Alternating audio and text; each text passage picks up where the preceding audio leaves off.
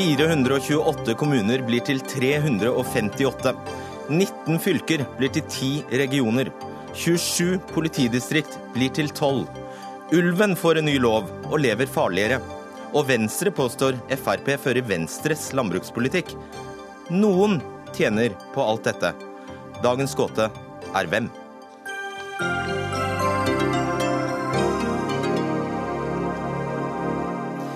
I denne sendingen ber vi deg altså ha dette spørsmålet i bakhodet gjennom den neste timen med Dagsnytt 18. Jeg heter Fredrik Solvang.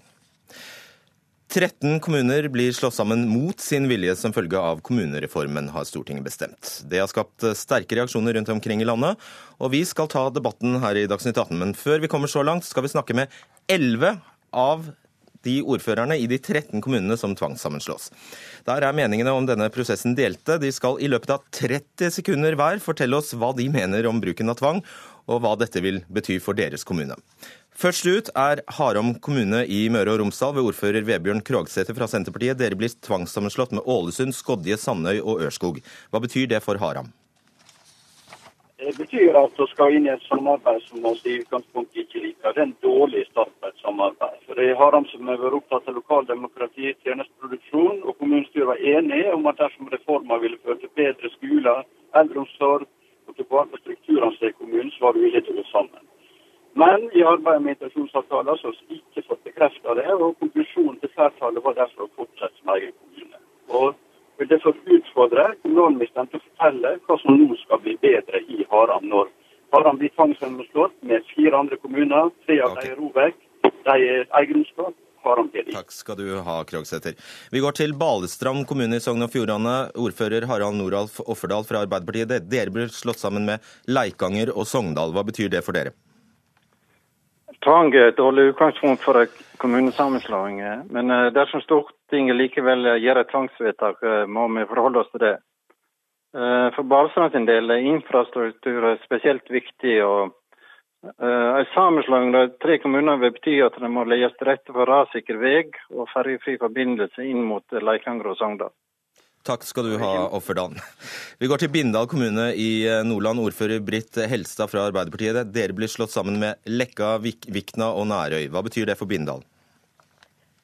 For det første, dette er jo ikke demokratisk. Det er en ren overkjøring av eh, lokaldemokratiet. For Bindalen så er det jo tvang både til kommunereform og til regionreform.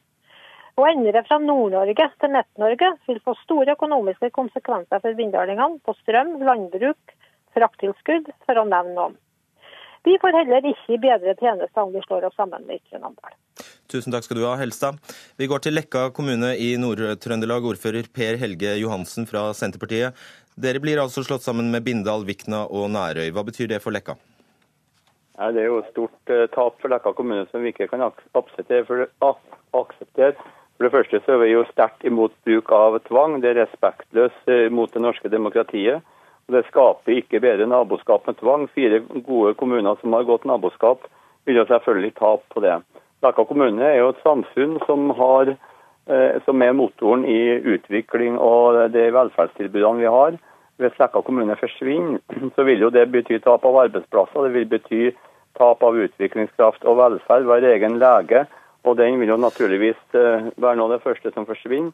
Men også det at vi får eh, et signal om at folk vil ikke satse på boer fordi at det er en kommune som eh, opphører, og at Nettopp. da blir så færre innbyggere. Takk skal du ha, Per Helge Johansen. Vi går til Bjugn kommune, Sør-Trøndelag. Ordfører Ogne Undertun fra Arbeiderpartiet. Dere blir altså slått sammen med Ørland. Hva betyr det for Bjugn? Eh, Bjugn kommune har fått et nei til en frivillig sammenslåing fordi Bjugn skal redde kommuneøkonomien til Ørlandet. Det må gjøres ved sentralisering av ressurser fra Bjugn-samfunnet til Ørland. Sentralisering er kjernen i regjeringas politikk. Begrunnelsen er ikke mulig å ta seriøst. Vi ser bedre næringsutvikling med Åfjord, bedre tjenester til innbyggerne, og det vil styrke Nord-Fosen, som er utkanten på Fosenhalvøya. Går... Når Grongingen skjønner hva dette innebærer, vil de med lettelse huske at det straks er stortingsvalg. Takk skal du ha. Vi går til nettopp Ørland kommune i Sør-Trøndelag. Ordfører Tom Myhrvold fra Høyre blir altså slått sammen med Bjugn mot deres eh, vilje. Hva betyr det for Ørland? Jeg tror en beslutning fattet av regjeringa etter hvert Stortinget kan bidra til å sette et endelig punktum for eh, flere mislykkede sammenslåingsforsøk mellom Ørland og Bjugn. Vi trenger nå ro og stabilitet for å kunne fokusere på flere av de nasjonalt viktige samfunnsutviklingsoppdragene vi har, f.eks. kampfly baseetablering, som vi er betrodd i våre kommuner. Men eh, når man først går til det skritt å overkjøre lokalpolitiske vedtak, så er det minst å forvente at regjeringa grunner det på en god måte i faktisk den kommende stortingsproposisjonen. Kun sånn tror jeg tvangsbruk vil få noe som helst form for legitimitet for å unngå opprivende lokalpolitiske prosesser i tida som, som kommer. Så det er min forventning at også regjeringa til å avklare plasseringa av et kommunesenter i et tvangssammenslått Ørland-Jung, som det nå legges opp til. Da sier vi tusen takk til deg, ordfører Tom Myhrvold fra Ørland. Nå skulle vi til eh, Søgne kommune i Vest-Agder, der vi eh, skulle ha med oss Astrid Margrethe Hilde fra Arbeiderpartiet, men det virker som at vi ikke har. Kan vi gå til neste da? Det kan vi heller ikke. Vi tar i bruk vår nødløsning, som da heter Trine Eilertsen. Velkommen hit, du er politisk eh, redaktør i Aftenposten. Når sant skal sies, det er jo ehm, Ja, det høres trist ut, dette her, men det er tidenes største kommunereform vi er vitne til. Ja, det er det. Det er den eh, største endringen i kommunestruktur siden midten av 1960-tallet. Så det er, det er for mye håpe på at dette skal skje uten lyd. Ja, ikke sant. Det er altså, eh, De vi snakker med i dag, er altså de 13 som blir tvangssammenslått. Men det er ikke mange, du? Det kunne Nei, vært veldig mange flere? Det, det, er ikke mange. Altså det Stortinget ble enige om, de som ble enige om å, å, jobbe for denne reformen, var jo at du i noen tilfeller kunne, kunne åpne for tvang. Eh, og så var det noen kriterier for det. Dette med inneklemte kommuner. Hvis en kommune mellom kommuner som ønsket eh, å slå seg sammen, sa nei. Og sånn. Men så er det jo ikke helt konsekvent alltid. Eh, man, og det er jo noe av det som blir uroen nå. Du ser eksempel på kommuner som ligner på din, som slipper å bli tvunget sammen, mens din kommune blir tvunget sammen. Så her eh, kommer jo eh, eh, statsråden og stortingsflertallet til å bli utfordret på det. Da skal vi ha med oss ordfører Amund Hellesø fra Arbeiderpartiet i Vikna kommune i Nord-Trøndelag. Dere blir tvangssammenslått med Bindal, Lekka og Nærøy. Hva betyr det for Vikna? Først så vil jeg jo si at Vi i Vekna vi ønsker jo en sammenslåing med de respektive kommunene i Ytre Namdalen. Men vi liker jo ikke at det blir brukt tvang. Og, og jeg syns eh, spillereglene har blitt endra hele veien. Eh, og, og vi, vi, vi, fyller jo ikke de kriteriene som var lagt til grunn for at vi skulle bli tvangssammenslått. Og med bakgrunn i det, så, så syns jeg jo det er, det, det er en dårlig prosess som er kjørt, for å si det enkelt. Og Vi har jo hatt eh, folkeavstemning, og den var jo tydelig imot en intensjonsavtale. Så, så det, det er, jeg liker ikke prosessen. Takk skal du ha, Hellesø. Da går vi til Søgne kommune i Vest-Agder. Ordfører Astrid Margrethe Hilde fra Arbeiderpartiet. Dere blir altså tvangssammenslått med Sogndalen og Kristiansand. Hva betyr det for Søgne? I Søgne så har vi et nei-vedtak, og dette er en sak som vekker veldig mye følelser hos mange, og det har jeg stor forståelse for. Men nå er nå systemet vårt slik at det er Stortinget som bestemmer så har et flertall på Stortinget bestemt seg for Hvor? å stå sammen, så må vi forholde oss til det.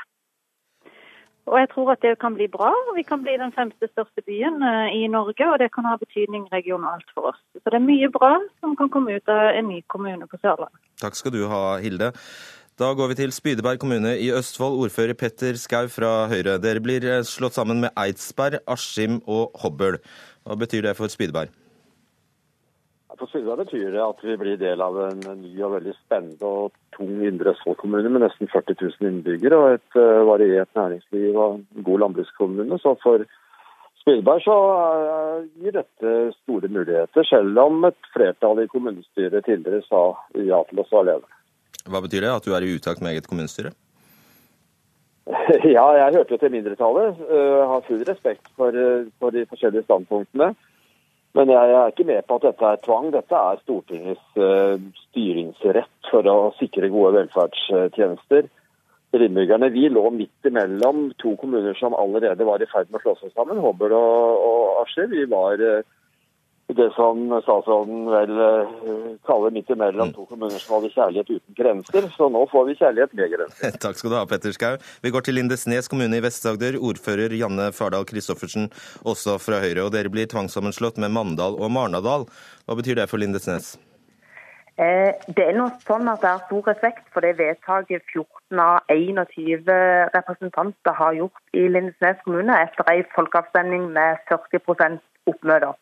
Og Det forholder jeg meg til. Men eh, samtidig så ligger ballen nå hos Stortinget, og jeg syns at det er Stortingets ansvar å endre kommunekartet dersom de mener det er nødvendig for framtida.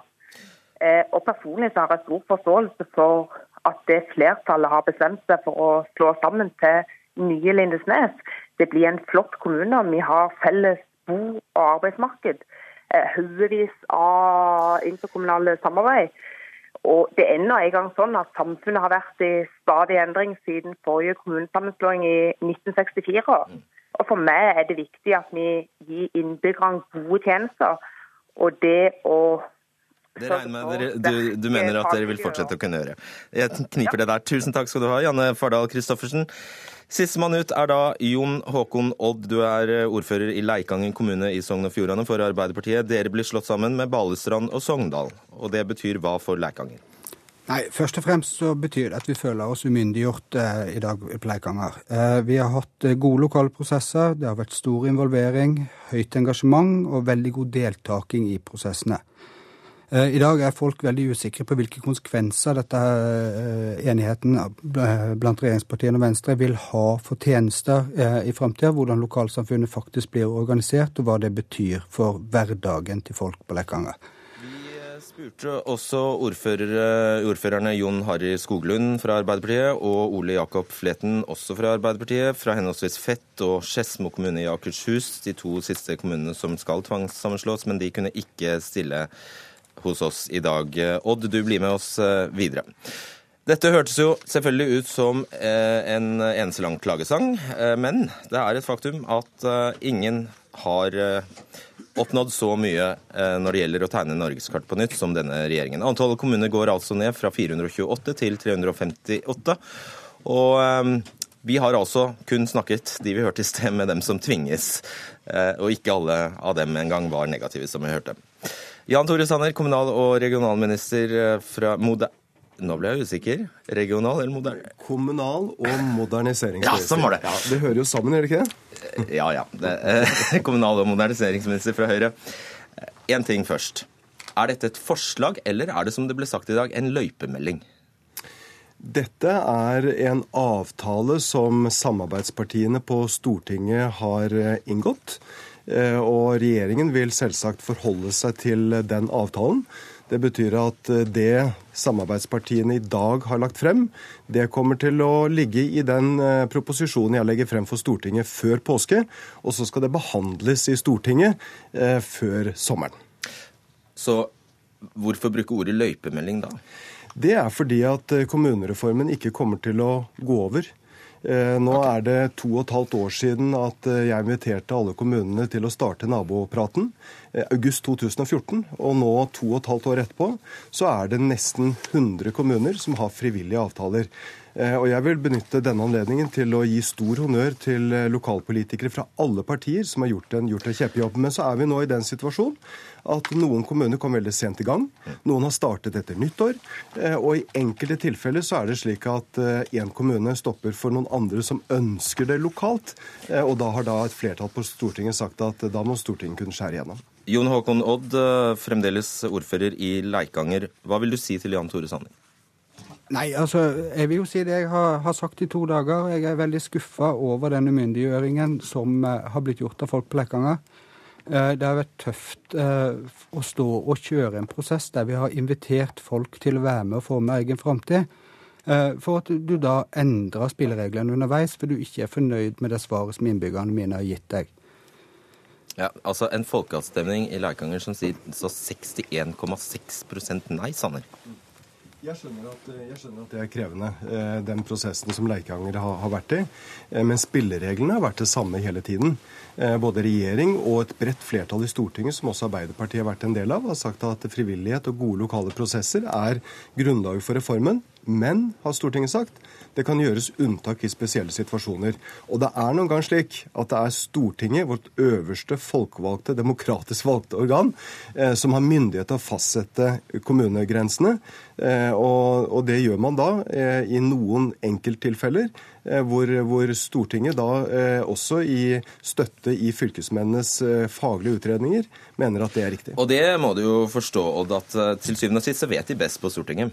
Jo, men altså, nå har jo Sanner latt fylkesmannen gå opp løypa, og fylkesmannen peker på det alternativet som, eh, som rett nok Sanner nå uh, anbefaler, men hun sier også at det ikke er bærekraftig over tid. Hun peker faktisk på at Luster kommune må bli med i den nye kommunen etter hvert. Så da lurer jeg på, Skal vi lage først én kommune og så en ny kommune? Utfordringen her er jo at det er jo ikke samsvar med hva som blir sagt. Hva som skal ligge til grunn for vedtaket, og hva som faktisk blir gjort. Vil du svare kort på det, Sanner? Det fylkesmannen har sagt, det er at på sikt eh, så bør også Luster med. Eh, vi mener at tiden ikke er, er moden for, eh, for det. Eh, i Sogndal har sagt ja til, eh, til, den nye kommunen. I Balestrand var det et flertall i folkeavstemningen, men kommunestyret sa nei. Og Leikanger sa nei. Og så er det viktig å huske på at, at Leikanger eh, er et viktig sentrum i Sogn og Fjordane, med fylkesmann, med direktoratfunksjoner og andre statlige funksjoner. Eh, og jeg er, er, enig med flertallet i Stortinget, også fylkesmann og Sogndal kommune, i at en ny kommune i Sogn det vil bli en sterkt tyngdepunkt i Sogn og Fjordane. Jeg tror det kommer til å bli bra for innbyggere og næringsliv. Helga Pedersen, eh, du representerer Arbeiderpartiet i kommunal- og forvaltningskomiteen. I starten her hørte vi jo disse bekymrede ordførerne snakke de, er helt sikkert spent på eh, hva du har å si nå. Kan du garantere f.eks. ordfører eh, Jon Håkon Odd om at dette tvangsekteskapet oppløses idet dere kommer til makta? Hvis dere kommer til makta? Eh, jeg kan ikke garantere det, men Arbeiderpartiet kommer til å stemme imot tvangssammenslåinger på Stortinget. Fordi at Stortinget sa at eh, kommunesammenslåinger skulle bygge på frivillighet, og at man skulle respektere de svarene man kommer frem til lokalt. Derfor kommer vi til å stemme imot. Og det er også sånn at hvis eh, Arbeiderpartiet kommer i regjering etter høstens valg, så vil vi la de kommunene som er omfatta av tvangssammenslåing, Stavanger, at de skal ha en mulighet til å be om å få omgjort det vedtaket. Men, det også... men initiativet må komme fra dem sjøl. Ja, det står også i partiprogrammet at endringene skal som hovedregel baseres på frivillighet og gode lokale prosesser. Når er, når er det hovedregelen ikke skal gjelde, egentlig? Ja, da vi, eh, da vi behandla kommunereformen eh, i Stortinget, når man eh, altså bestemte seg for at alle landets kommuner skulle ta runden, se inn i glasskula og ta stilling til om man skal løse fremtidas utfordringer best ved å stå alene, eller ved å slå seg sammen en eller flere naboer, så sa ikke bare Arbeiderpartiet, men et bredt flertall på Stortinget at man skulle respektere de svarene man kom frem til lokalt. Så var Arbeiderpartiet uh, riktignok med på en formulering om at i helt spesielle enkelttilfeller kunne det gjøres unntak. Og når er det, spør jeg? Nei, Det er jo et veldig godt spørsmål. Ja, her... Som vi fortjener et svar på, for ja, å si det sånn. Ja, det svaret har vi ikke fått i dag, i hvert fall. fordi at det her har jo vært en meget kaotisk eh, prosess. Og Derfor presiserte jo vårt landsmøte i 2015 at det skulle være frivillighet, punktum. Og det som okay. gjør, og La meg få fullføre det her. fordi at Det som er meget uklart i dag, det er jo hvilke kriterier har ligget til grunn. Eh, Regjeringa ba fylkesmennene tegne kart. Det hadde de en veldig ulik tilnærming til. Eh, det er foreslått tvangssammenslåinger i Finnmark, i Buskerud, eh, i veldig mange andre fylker. Men hva, hvorfor har man først. latt noen Hvilke kriterier har fylkesmennene lagt til grunn? Og så er jeg sikker på at du også gjerne vil kommentere Arbeiderpartiets program. Eh, fylkesmennene har jo gått mye lenger enn det stortingsflertallet nå gjør.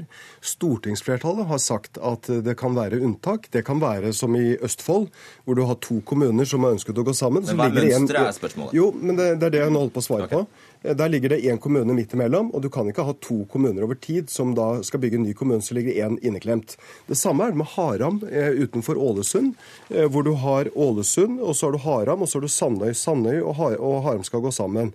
På Sørlandet har du to kommuner som har sagt ja, én som har sagt, sagt nei. Og jeg syns det er rett og rimelig Helga Pedersen, at Stortinget tolker Stortingets vedtak. Arbeiderpartiets ordfører lokalt nei, nå må du la meg fullføre. Arbeiderpartiets ordfører lokalt har gjort en kjempejobb. Men det er ikke mulig å ta Arbeiderpartiet sentralt seriøst. Arbeiderpartiet nasjonalt med Helga Pedersen i spissen har ment absolutt alt som er mulig å mene om kommunereformen. Og jeg skjønner de Arbeiderpartiordførerne som etterlyser lederskap og trygghet fra Arbeiderpartiets side. Vel, Det var vel ikke akkurat det vi hørte i den runden før her. og jeg tror Jan Tore Sanner, du hadde hatt en veldig trist dag i dag hadde det ikke vært for Arbeiderpartiet sine ordførere. Eh, som har lyktes med eh, sammenslåinger i et meget krevende terreng, der tre av fire lokalpolitikere i en større undersøkelse sier de er svært misfornøyd med måten regjeringa har lagt opp denne reformen på, der deres meg... eget støtteparti KrF har eh, hoppa av. La meg stille deg et enkelt spørsmål, Pedersen. Er du glad for at vi nå ender med et kommunekart med 70 færre kommuner? Er du glad for det? Jeg mener at, eh, jeg mener at eh, vi nå får en fornuftig justering av eh, kommunekartet. Og, og uenigheten her handler jo ikke om hvorvidt vi skal slå sammen kommuner eller ikke, men om vi skal forholde oss til det Stortinget sa, ikke bare Arbeiderpartiet, men det også Høyre, Frp, KrF og Venstre var Og med på skal forholde i seg til det, ok. 2014. Nei, nå må jeg få lov til Nei, å snakke ferdig. Der man sa at man skulle respektere de svarene man har kommet frem til lokalt. Det, og Jan Tore Sanner klarer jo nå ikke å svare på hvilke kriterier som har ligget til grunn Nei, og jeg vil, for hva du skal få slags et kommuner konkret som spørsmål skal om det, som du gjerne eh, må svare på. Øykommunen Lekka tvangssammenslås altså da med fastlandskommunene Nærøy, Vikna og, og Bindal. Og litt lenger sør skal da Stord og Fitjar være to kommuner på samme øy i Sunnhordland. Hvordan henger det? Da, da er det vanskelig å få øye på det mønsteret du sier finnes. Det, det, det siste eksempelet du viser, eh, det illustrerer jo at kommunereformen ikke er over. Eh, Og det sier også stortingsflertallet i dag, at kommunereformen fortsetter. Det jeg er dypt urolig for, det er de signalene som kommer fra Arbeiderpartiet om at man skal eventuelt reversere sammenslåing som har skjedd. Husk på at det er tusenvis av kommunalt ansatte i barnehage, i skole, i eldreomsorg, som da skal ha en usikkerhet nå i kanskje et år eller to om det blir gjennomført eller ikke. I dag har stortingsflertallet sagt at sånn blir det. Det skaper forutsigbarhet og trygghet for kommunene. Og nå må man også gi ro til lokalpolitikerne som skal gjennomføre denne viktige reformen for innbyggerne. Jeg vet du har lyst, men du får ikke lov, for jeg skal stille spørsmålet det samme som jeg kunne ha stilt til deg, til Trine Eilertsen. Hva gjør Arbeiderpartiet nå?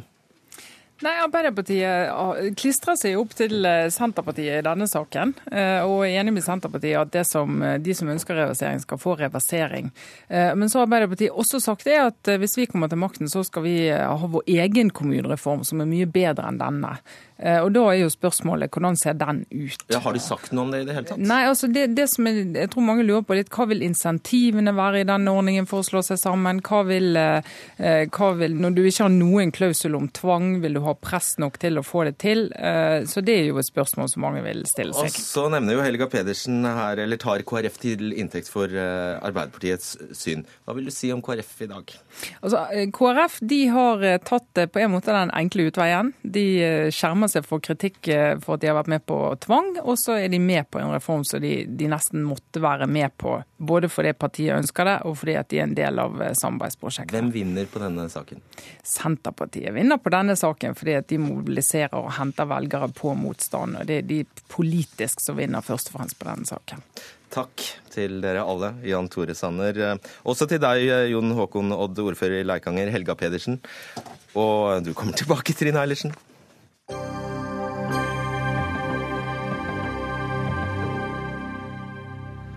Antallet fylker skal halveres, og norgeskartet må tegnes på nytt. Flertallet på Stortinget, dvs. Si Høyre, Frp, Venstre og KrF, vil altså ha ti regioner til å erstatte mange av dagens fylker. Og slik blir det seende ut. De tre nordligste fylkene skal reduseres til to. Grensene skal fastsettes senere, og avgjørelsen skal tas regionalt. Telemark og Vestfold går sammen i én region. Buskerud, Akershus og Østfold blir ny Viken-region.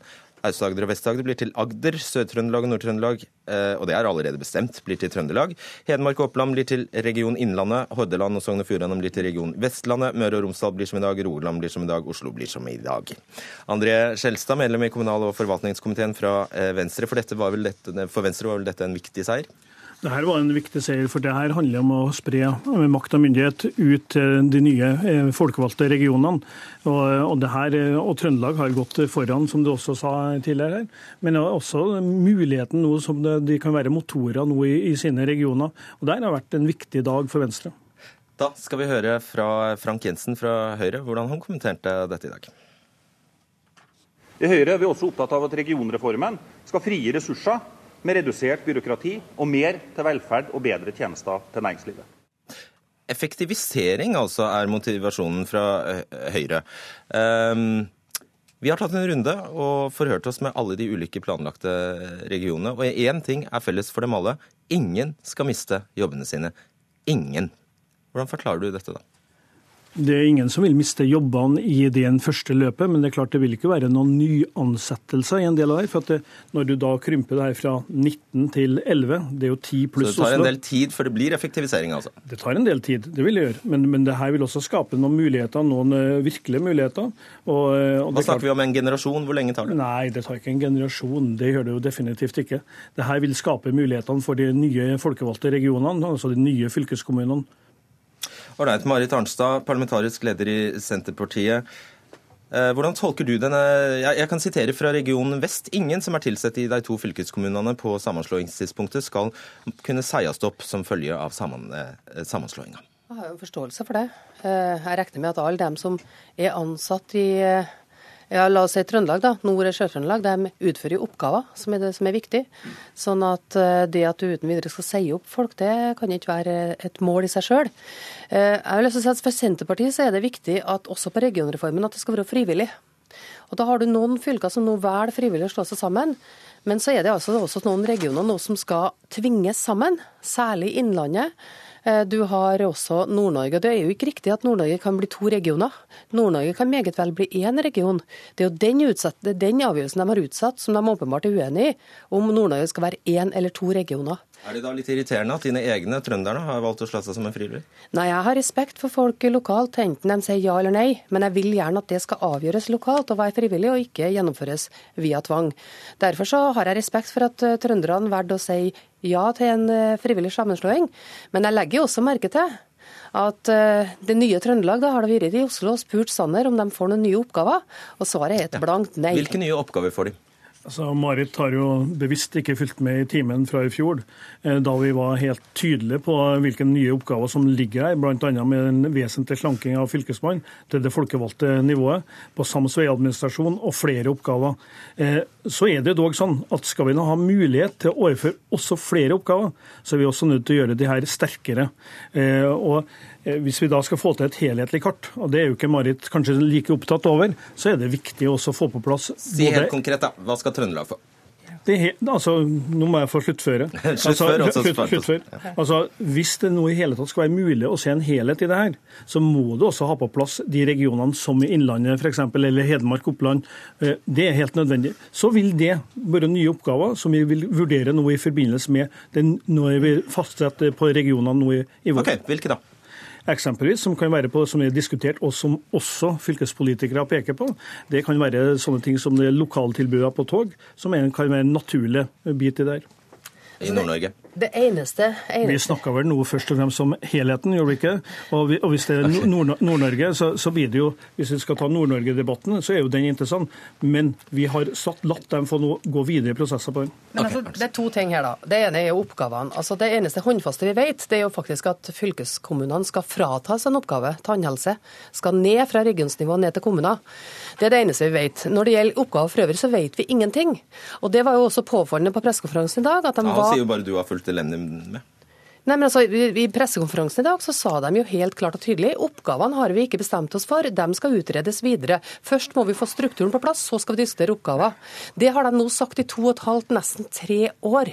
Eh, og det har vært mange muligheter i Stortinget til å diskutere det, senest i juni i fjor, da vi diskuterte nettopp oppgavefordeling til de ulike regionene. Men er det ikke, logisk, er det ikke, logisk, eh, er det ikke logisk å ta, først slå sammen, og så bestemme hvilke oppgaver de skal ta? Jeg syns kanskje det er logisk, hvis at du, særlig hvis at du har tenkt å tvinge folk, hvilket jeg syns er uheldig uheldig, så er det kanskje vært en fordel at de har fått vite om de skal utføre flere oppgaver, og hvilke oppgaver ja, og, de skal utføre. Og det, og det var vi jo tydelige på i fjor. altså Det som ikke er på tilsyn og kontroll til Fylkesmannen på landbruk, plan og miljø, krystallklart. Men jeg skjønner det at Marit ønsker å underkommunisere på det. Ingenting av det har manifestert seg. Det andre som jo er problematisk med det her, i tillegg til tvang og oppgaver, det er jo at kartet virker helt tilfeldig. Ja, er... Altså, Rogaland skal bestå som eget fylke. Mens Nord-Norge kanskje blir ett eneste region hele landsdelen. Møre og Romsdal skal bestå som et eget fylke, mens du kanskje skal ha et Viken-fylke fra Hemsedal til Halden. Altså, det, det, det Altså- virker helt, nærmest helt tilfeldig og planløst. Og, og, og her ser vi jo de store forskjellene på at vi vil. Senterpartiet vil ikke. Det handler selvfølgelig om at vi må ha på plass også strukturene.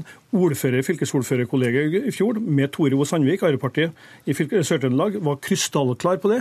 Det er viktig at strukturene er på plass. Du skal få et spørsmål som ikke dreier seg om dette, men et uh, som er høyaktuelt. Fordi regjeringen i ettermiddag kom med melding om at de foreslår å endre naturmangfoldsloven, sånn at den gir utvidet adgang til lisensfelling av ulv også der det ikke er skadepotensial. Betyr dette slutten på ulvedebatten? Nei, jeg tror ikke det gjør det. Jeg tror lett at dette lovendringa, lovendringa kan bli en juridisk spissfindighet. Fordi det egentlig kjernen i diskusjonen om ulv, det er jo at du nå får muligheten til å ta bestanden ned til det bestandsmålet Stortinget har satt. Og det, det er langt igjen dit. Og hvis ikke noe skjer neste måned når det gjelder felling av ulv, så vil vi i løpet av sommeren ligge skyhøyt over bestandsmålet som Stortinget har satt.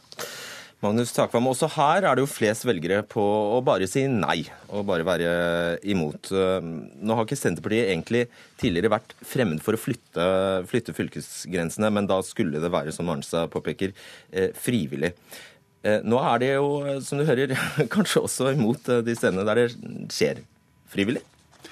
Ja, altså det... Nei, du rister på hodet. Ok. Nei, men Det som er eh, forskjellen fra denne regionformen og kommunereformen, er jo at den kommer fra Stortinget selv. Det var ikke regjeringen som i utgangspunktet ville ha en regionreform. Bl.a. fordi Frp og Høyre jo er imot dette tredje forvaltningsnivået som fylkeskommunene og regionene da er. Så her har på en måte initiativet vært nedenifra. Eh, det som har vært skal vi si, reaksjonene på det regionkartet vi har lagt fram i dag, er jo at det er veldig mange løse tråder i den strukturen, som dere for så vidt har vært inne på. Blant annet så er grensespørsmålene veldig viktige. Vi vet at det er prosesser i Rogaland, Haugaland i Nord-Rogaland, og i, eh, i Møre og Romsdal, Nordmøre, som vil henholdsvis vurdere å knytte seg til Trøndelag eller til vestlandsregionen. Og Da kan man teoretisk tenke seg at de eh, enkeltstående fylkene som Rogaland og Møre og Romsdal forvitrer. sånn Alt dette eh, vil vise seg da i den videre prosessen. Men er dette, og litt kort, er dette noe folk er opptatt av? Altså, Regjeringen tror jeg trøster seg med at fylkeskommunen er ikke det som får folk opp på barrikadene. Men det er klart at i en del områder, f.eks. når det gjelder utdanning, hvilke, hvilke videregående skole du skal kunne velge å gå på osv., hvis det blir jo styrt av dette nivået, så, så er det klart at det er, det er et spørsmål som, som veldig mange er opptatt av. Hvem vinner på den saken?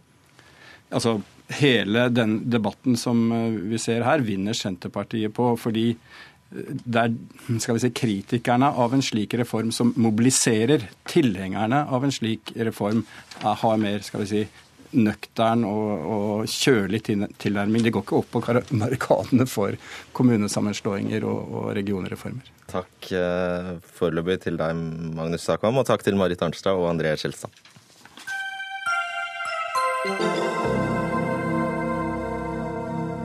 Som følge av den såkalte nærpolitireformen legges 130 av politiets tjenestesteder ned, og det blir 12 i stedet for 27 politidistrikt. Samtidig lover regjeringen sterkere etterforskningsmiljøer og raskere utrykning. Men motstanden vil ikke gi seg, verken politisk eller i politiets egne rekker. Og I dag presenterte bladet Politiforum en undersøkelse som viser at mange politibetjenter fremdeles tviler på reformen. Samtidig kom den første evalueringen av arbeidet med reformen, og den har dere stått bak, Vivi Lassen i Direktoratet for forvaltning og IKT, forkortet Difi. Hva eh, forteller den første rapporten? Ja, For det første så forteller rapporten at arbeidet er i rute i den forstand at politiet selv har gjort de tiltakene som de har planlagt for å komme videre med reformen. Men samtidig så er det noen store utfordringer. Og hovedutfordringen er at det er liten tiltro til reformen blant ansatte i politiet og blant mange kommuner. Ja, Selve begrepet nærpoliti er også utfordrende, sier dere. Kommer bare ordet i veien for handlingen her? Det er i hvert fall eh, ikke et ord som eh, støtter godt opp om eh, det arbeidet som skjer. Altså Folk flest er jo ikke dumme. De ser at det sentraliseres, samtidig som man bruker ordet nærpolitireform. Og om sentralisering skriver dere når altså et enhetlig styring må ikke komme i konflikt med lokalt handlingsrom. En finere måte å si at du kan ikke sentralisere for mye, for da går det gærent. Nei, Politi-Norge er ganske forskjellig. Distriktene er forskjellige. De har ulike eh, kriminalitetsutfordringer, og de har også ulike geografiske utfordringer. Eh, så det må være et lokalt handlingsrom for å klare å møte de utfordringene på en god måte. Selv om det også er behov for eh, sentral styring og felles retningslinjer og standarder for hvordan arbeidet skal drives. Eh, vi hører jo ofte om skepsisen internt i politiet, men den får også støtte, for, håper noe støtte internt, denne reformen? Ja, altså det er mye støtte på eh, den kvalitative delen av reformen. Altså Ansatte i politiet ønsker seg jo et oppegående politi med gode arbeidsformer, med moderne verktøy. Eh, og de ønsker å gi gode tjenester til publikum. Så eh, den delen er det jo veldig stor oppslutning om. Men det er eh, da også usikkerhet blant mange om det er forutsetninger som er gode nok for å lykkes med reformen. Hva sier dere etter rapport 1? Kan reformen nå sine mål? Vi sier at Det vet vi ikke. Eh, vi sier at eh, forutsetningene for å gå videre med arbeidet er der fordi man har gjort det som har vært planlagt. Eh, men så er det noen forutsetninger som må være på plass, som det er viktig at, at politiet og departementet følger opp. Takk skal du ha, Vivi Lassen. Per Willy Amundsen, justisminister fra Fremskrittspartiet. Du fikk jo denne rapporten i dag. Hva syns du? Det er veldig viktig at vi har en følgeevaluering av reformen, sånn at vi underveis eh, får eh, de eh, tilbakemeldingene vi trenger for å gjennomføre en god reform. Dette er bare én av mange rapporter som skal komme i tida fremover, og som skal være et godt grunnlag for å justere reformen fremover. Men målene for reformen ligger fast. Det har et bredt flertall i Stortinget ønska. Eh, og vi kommer til å gjennomføre denne reformen, og det kommer til å gi veldig gode resultat. Det var politikersvaret sitt. Jo, men, men, skal, ja, okay, men, det, men, det, er viktig å understreke at det er en grunn til at vi gjennomfører denne reformen. Og det er viktig at folk også husker på det. Eh, politianalysen, eh, erfaringen etter 22.07, Gjørv-kommisjonen, pekte jo i retning av at vi trengte å fornye norsk politi. Eh, det er det vi gjør, og det er altså noe politiet sjøl ønsker. Og Derfor kan vi jo minne om at det er et veldig bredt flertall på Stortinget som står bak politireformen. Men denne undersøkelsen fra Politiforum, og det er en utfordring for deg. 65% av politibetjentene er altså uenig i at Norge blir et tryggere samfunn etter denne reformen. Ikke helt bra. 85% mener at politiet ikke vil komme tettere på publikum i denne, etter denne nærpolitireformen. Du har en del motstand, og eh, du, du, må, du, må, overbevise, rett og slett? Det har du helt rett i, og det er en viktig oppgave å overbevise. Men så tenker jeg det at eh, vi skal ha for det første respekt. Eh, og tar, tar? Veldig, tar veldig på alvor at de ansatte føler på det å stå i en reform. Det er mange uavklarte forhold. De eh, opplever kanskje utrygghet rundt sin egen situasjon. Det har jeg stor forståelse for. Sånn vil det alltid være i en reform. Eh, så, så, men det tar vi på det høyeste alvor. Så handler det om at det foreløpig er en debatt som handler om struktur, om tomme lensmannskontor, som Senterpartiet er opptatt av å ta vare på. Hva vet jeg, sikkert SV også. Men, mens det som er viktig, det er det som skal gjøres av kvalitative reformer i reformen, som handler om etterforskningsløft, som handler om politiarbeid på stedet, raskere responstid, eh, bygge kompetansemiljø for å bekjempe komplisert kriminalitet på nett osv. Reformen har gode begrunnelser, og de kvalitative tingene vil også eh, styrke eh, si, troen på det blant de ansatte. Nå må vi la eh, SV slippe til. Karin Andersen, stortingsrepresentant. Altså, dere trakk fram Dere trakk dere fra de opprinnelige mm. forhandlingene om mm. denne reformen. Har det blitt styrket eller svekket i troen på at det var rett? Jeg har blitt styrka.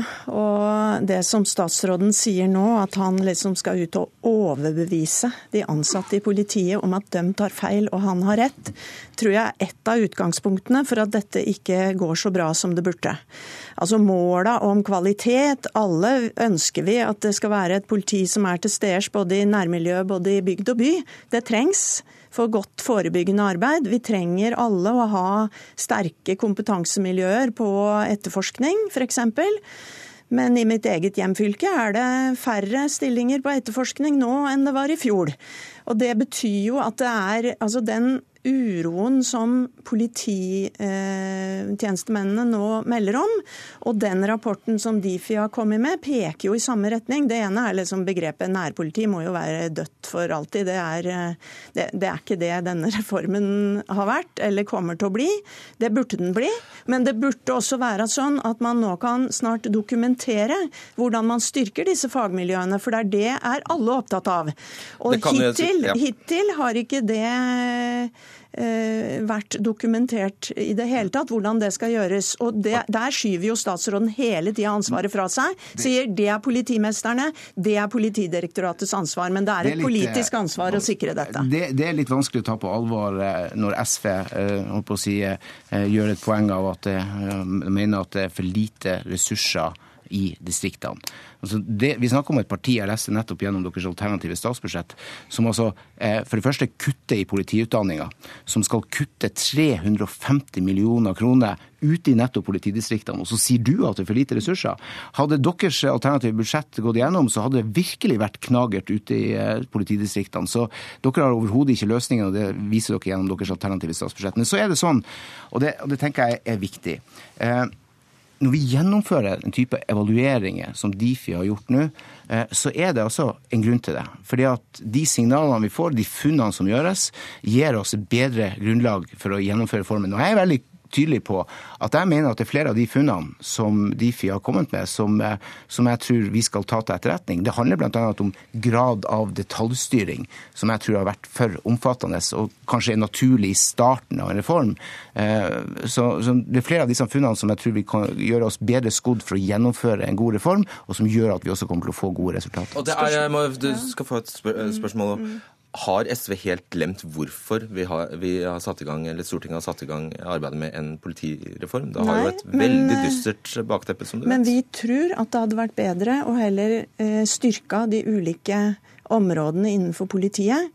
Og istedenfor å lage dette til en sånn svær reform. Det er litt sånn reform Det er litt sånn form Det er en slags form, det, at, stemmer det at dere gjør det? For, reformsjuke som foregår nå. Og det vi har, har tatt opp gang på gang på gang, er f.eks. å se også på ledelseskultur, styringsstrukturer. Vi fremma forslag om det. Det ble nedstemt, dessverre. Og også det med hvorfor er det sånn at i enkelte politidistrikt gjennomfører man ikke styrking på områder, f.eks. med å sikre kompetanse på vold og overgrep sånn som Stortinget har vedtatt. Jeg skjønner, sånn men bare oppklar, bare oppklar, den, fordi men, det kom en påstand her. Bare, bare oppklar ja. det. Stemmer det at dere har faktisk kuttet i politiets budsjetter i alternative budsjett? Altså, vårt, uh, vårt, opplegg er annerledes enn regjeringen sitt. Ja, det er svært annerledes. Det er riktig, men det vi har vært opptatt av, er jo at man får styrking på disse kompetansemiljøene, og at man får en ordentlig nærpolitireform. Hvis du spør nå, politimesteren ut i eh, distriktene Statsråd, nå er det jeg som har ordet. Okay. Nå viser denne rapporten fra Difi i dag, og fra det politiet sjøl sier, at den reformen regjeringa gjennomfører, ikke holder mål. De har ikke tro på den. Og da er det statsråden som bør svare på det, og ikke vi. Det er ikke vi som har planlagt dette. Vi har ikke stemt for det. Vi ønsker tvert imot styrking på andre områder som ville ha begynt i en mye bedre ende på dette. Ja. Eh, for det første, eh, vi er i rute med reformen. Det viser også eh, Difi sin undersøkelse, og det tenker jeg er veldig viktig. Så er det altså læringspunkter. Dem tar vi med oss i det videre reformarbeidet. Men jeg er helt sikker på at dette er en reform som kommer til å lykkes. Og det handler om det innholdet denne reformen faktisk skal levere, som handler om å ruste politiet for å løse de kriminalitetsutfordringene vi ser i det 21. århundre. Altså, vi har et politi som har vært tilpassa gammeldagse kriminalitetsbilder. I det 21. århundre står vi overfor bl.a. kriminalitet på nettet, som, som, vi også må ha et svar på. Og Disse tingene gjør vi gjennom nærpolitireformen. Men så er det viktig å understreke at det debatten har handla om så langt, det er altså tomme lensmannskontor som har åpent eh, to, da, to, dager i uka, eh, åtte til eh, to. Eh, og Det er altså ikke det som er hovedgrepet i reformen, det handler om innhold. Men Da må du begynne å høre på dine egne ja. politimenn. Og det, da, da kan du ikke fortsette å si at dette er i rute. De forteller oss at det er ikke i rute. Ta, der, sånn. Trine Eilertsen, fortsatt politisk redaktør i Aftenposten. Hjelper det noe at Karin Andersen og SV påpeker dette? For SV. Eller for noen? For, for noen. Også, eh, Karin Andersen og SV og Senterpartiet er jo de som har vært eh, mest kritiske til reformen. Arbeiderpartiet er jo, er jo med på den reformen, noenlunde sånn som den ligger. Eh, og, men de som eh, kapitaliserer best på det politisk, det er jo Senterpartiet. Igjen Senterpartiet? Igjen er det Senterpartiet. Og rett og slett fordi at de eh, har eh, størst troverdighet i sin angst for sentralisering. Størst troverdighet når de snakker om hvor viktig det er å ha politi og andre tjenester nært der folk bor. Hvorfor greier ikke SV det? Nei, jeg tror Utfordringen til SV i denne saken altså SV vil, vil, jo ikke ha en reform, som Karin Andersen sier, så vil de øke innenfor de forskjellige områdene. Og jeg tror de fleste som leste politianalysen, som jo var en beskrivelse av en etat i egentlig krise, som ikke var tilpasset det kriminalitetsbildet vi så, som ikke var tilpasset å svare på 22. juli, eh, og som ikke har tatt digitaliseringen inn over seg overhodet. Jeg tror det var en litt sånn behov for å gjøre noe, noe ordentlig og noe grunnleggende. Og da, da er det ikke egentlig nok å snakke snakke om litt ressurser her og der når du skal høres der ute. Og så ser vi at eh, Arbeiderpartiet går jo på en måte under radaren her. Det gjør for så vidt også KrF og Venstre. Og de eneste som får skikkelig smekk, er regjeringspartiene. Hvorfor er det sånn? Ja, De får jo det, for det er de som eh, fronter reformen. og så er det ja, Men de alle som, er jo med på det. Ja, men det er de som på en måte eier navnet. For det første, nærpolitireformen er et eh, litt uheldig navn, må være lov å si det. For det er lett å raljere med det, og du tar på en måte fokus vekk fra det som, som er kjernen i reformen. Og så er det de som skal svare på det. Og når politifolkene sjøl sier at vi opplever at det, det er for langt til åstedet, det, det, går ikke raskt nok, teknologien er ikke kommet raskt nok, og det, vi tror ikke på det. Mm. Per-Willy Amundsen, Karin Andersen, tusen takk. Hør Dagsnytt 18 når du vil. Radio NRK Radio.nrk.no.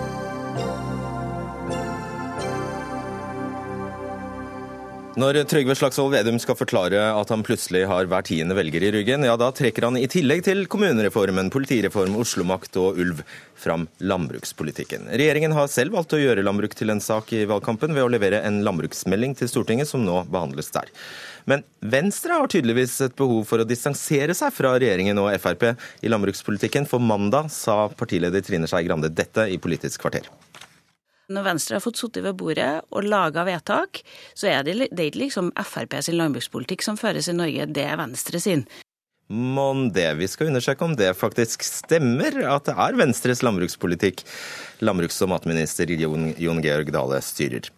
Pål Farstad, stortingsrepresentant og landbrukspolitisk talsperson i Venstre. Regjeringen har bl.a. sørget for at alle bruk med færre enn 75 kyr får kutt i overføringene på 15 500 kroner, mens alle bruk med over 70 kyr får pluss 75 000 eh, kroner. Alle som er mindre enn gjennomsnittet, får mindre. Det er Venstres politikk?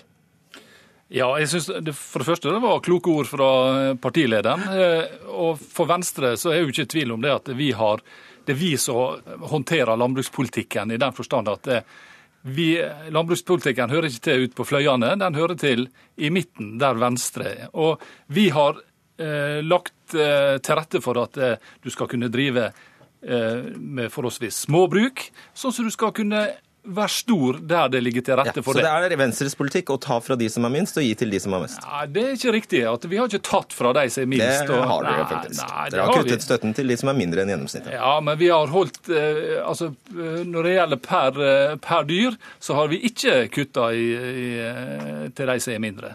Regjeringen har doblet konsesjonsgrensa for kylling fra 140 000 til 280 000 kyllinger. og Det innebærer at det faktisk nå bygges kjempedigre fjøs, kyllingfjøs i nærheten av slakteriet slakteriene.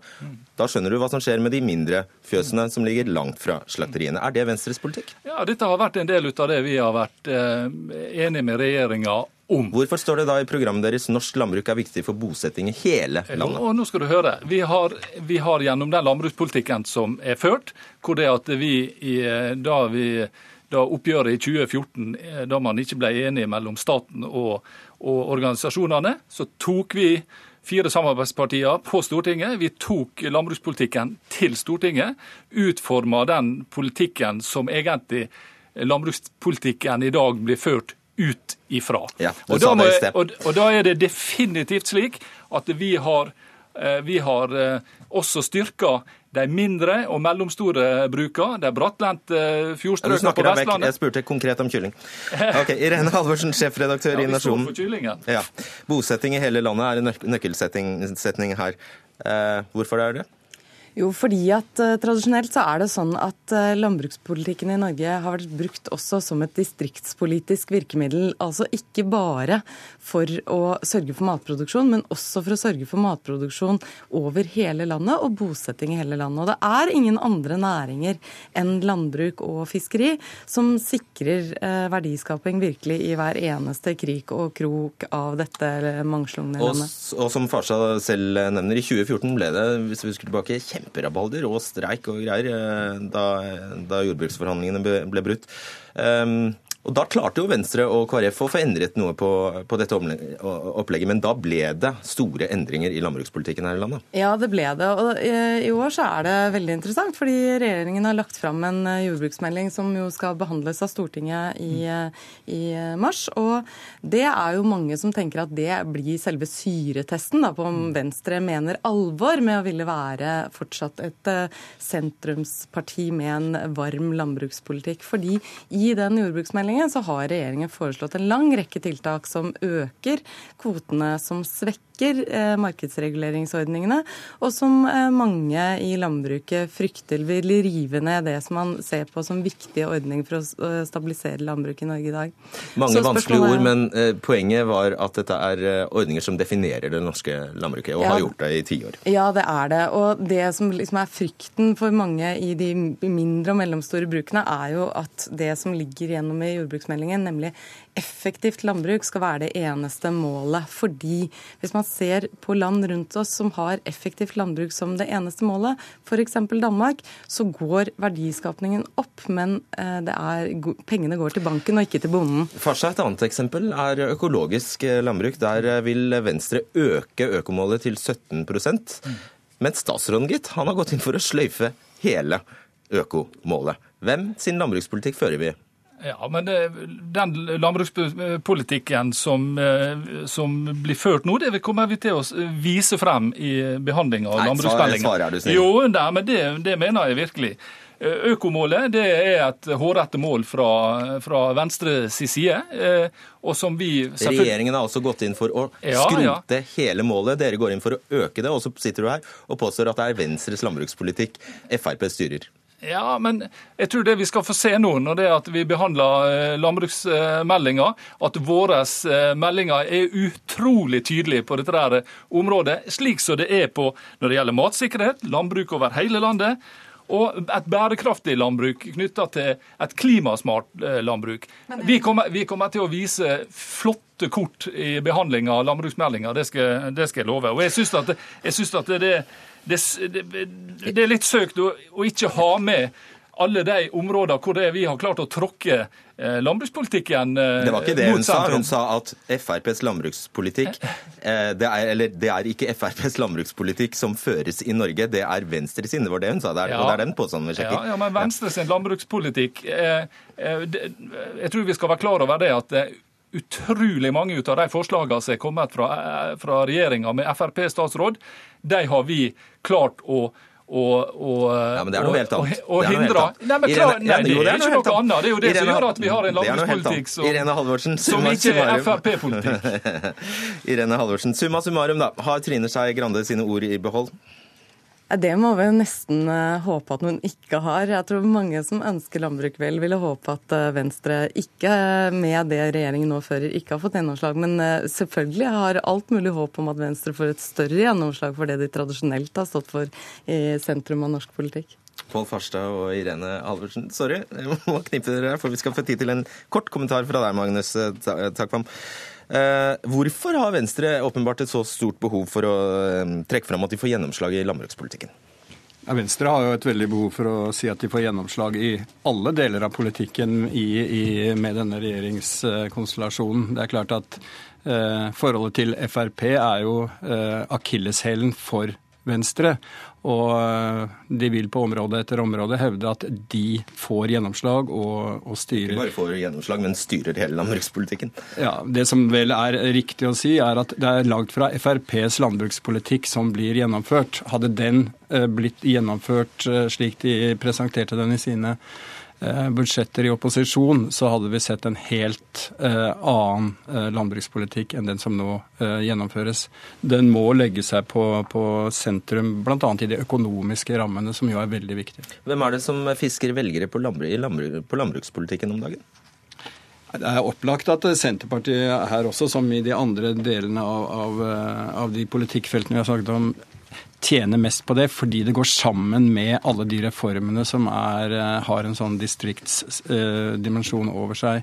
Så ser vi at et parti som Arbeiderpartiet, eh, også i opposisjon, legger seg på en skal vi si, mer landbruksvennlig eh, linje enn de ofte gjør når de er i regjering. Ikke tilfeldig, det heller. Ikke tilfeldig.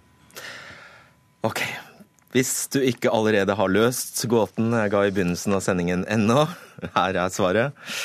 Vi mener vi har vist i løpet av disse snart 60 minuttene hvorfor Senterpartiet vinner på noen av de aller mest brennbare politiske sakene om dagen. Trine Eilertsen, hvis Senterpartiet blir så stort som 10% hvordan vil Arbeiderpartiet takle det? Det er jo eh, spennende å se. fordi at eh, Hvis vi går inn bak eh, målingene nå, så ser vi jo at også Arbeiderparti-velgere går til Senterpartiet. Og Senterpartiet, Arbeiderpartiet må jo vise at de og har en kontrast også til Senterpartiet. Et sånt eksempel på at et av partiene i blokkene spiser de andres velgere. Det er jo alltid et problem eh, for blokken. Eh, så hvordan Arbeiderpartiet skal markere forskjell til Senterpartiet, det blir en utfordring akkurat disse sakene her. Nå har de lagt seg så tett opp til at kun, du skal følge ekstremt godt med for å finne nyanseforskjeller, bl.a. på kommunereform. Det må jo være veldig dårlig nytt for SV? For SV er det, er det nesten håpløs situasjon å være i. så lenge altså SV sin store sak og måten de kan utfordre på, det er når de utfordrer Arbeiderpartiet på ulikhet, skatt, særlig skatt. Eh, og hver gang det er tema, så er eh, SV på offensiven og får eh, slått inn noen poeng hos Arbeiderpartiet. Men så lenge alt dette er tema, distrikt og sentrum, sentrum-periferi, da er ikke SV på, på hjemmebane. I tillegg, Magnus, til de sakene vi har debattert i denne sendingen, sies det jo nå ofte at Senterpartiet rir på en slags brexit-bølge. Men er det egentlig riktig å knytte Senterpartiet til det som skjer utenlands? Jeg, jeg, er uenig i det at det er liksom en ny bølge som gjør at de får eh, framgang. Altså at det er den smitten så å si fra, fra brexit og eventuelt Trump og, og ellers i Europa, høyrepopulisme eller hva du vil. Altså, Hvis vi ser på valgundersøkelser fra tidligere, så er det helt eh, åpenbart at altså, distriktsdimensjonen i, i, Norge den er veldig sterk. Det er 60-70% sier at på, på svar at Eh, Oslo tar for lite hensyn til Utkant-Norge. Det er folk i alle partier enige om. Og vi skal jo huske på at Senterpartiet har tross alt ikke mer enn 10% sant, Selv med den voldsomme veksten de har hatt. Og det som skjer, er rett og slett at når disse sakene kommer så høyt opp på dagsorden og blir så eh, kontroversielle, så er det en del velgere fra de andre partiene som syns det er så viktig at de går over til Senterpartiet. Men det som er rart, er at det er jo eh, i utgangspunktet ikke akkurat sexy saker vi snakker om. Det er kommunereform, regionreform, nærpoliti og landbruk. Ja, snakk for deg sjøl. Ja, Nei, men altså, eh, hver sak i seg. Hvis det bare hadde vært f.eks. en kommunereform og så var ellers eh, og ingen andre reformer, så tror jeg ikke vi hadde, vi hadde opplevd den type mobilisering. Men det jeg tror eh, det handler om, det er at du får opp hele den klassiske sentrum-periferi-dimensjonen som har vært med å definere det norske partisystemet i 150 år. Eh, den kommer opp, den er veldig sterk, som eh, Takvam var inne på. Og så er det mange som går med følelser. Hele verden rundt oss eh, ser ut som raser sammen. Lite ønske kanskje om at Norge ikke skal endre seg fullt så raskt og dramatisk som verden rundt oss. Og Da får du liksom behov for å kanskje ta ned farten litt. Og, og, og det er Senterpartiet der. Alt skal endre seg. Da er Senterpartiet der og, og, og kan hjelpe. Og vi liker bare ikke sentralisering i dette landet? Nei, det, det, gjør vi ikke. Alle har, kommer jo fra distriktet her i Norge, omtrent. Så eh, det er ikke tilfeldig. Eh, det, det, vi kan se eh, at Høyre og regjeringen prøver å De prøver jo også å motprogrammere her. Bl.a. denne denne timingen med statlige, statlige arbeidsplasser som kom her om dagen, er jo også et forsøk på å demme opp noe for dette. Så de er fullt klar over de hva som skjer. skjer. Ja, de ser at det skjer. Tusen takk skal dere ha, Magnus Takvam og Trine Eilertsen. Det var Ida Tune Øresland, Hilde Tosterud og Fredrik Solvang som satte sammen denne sendingen. Riktig god kveld.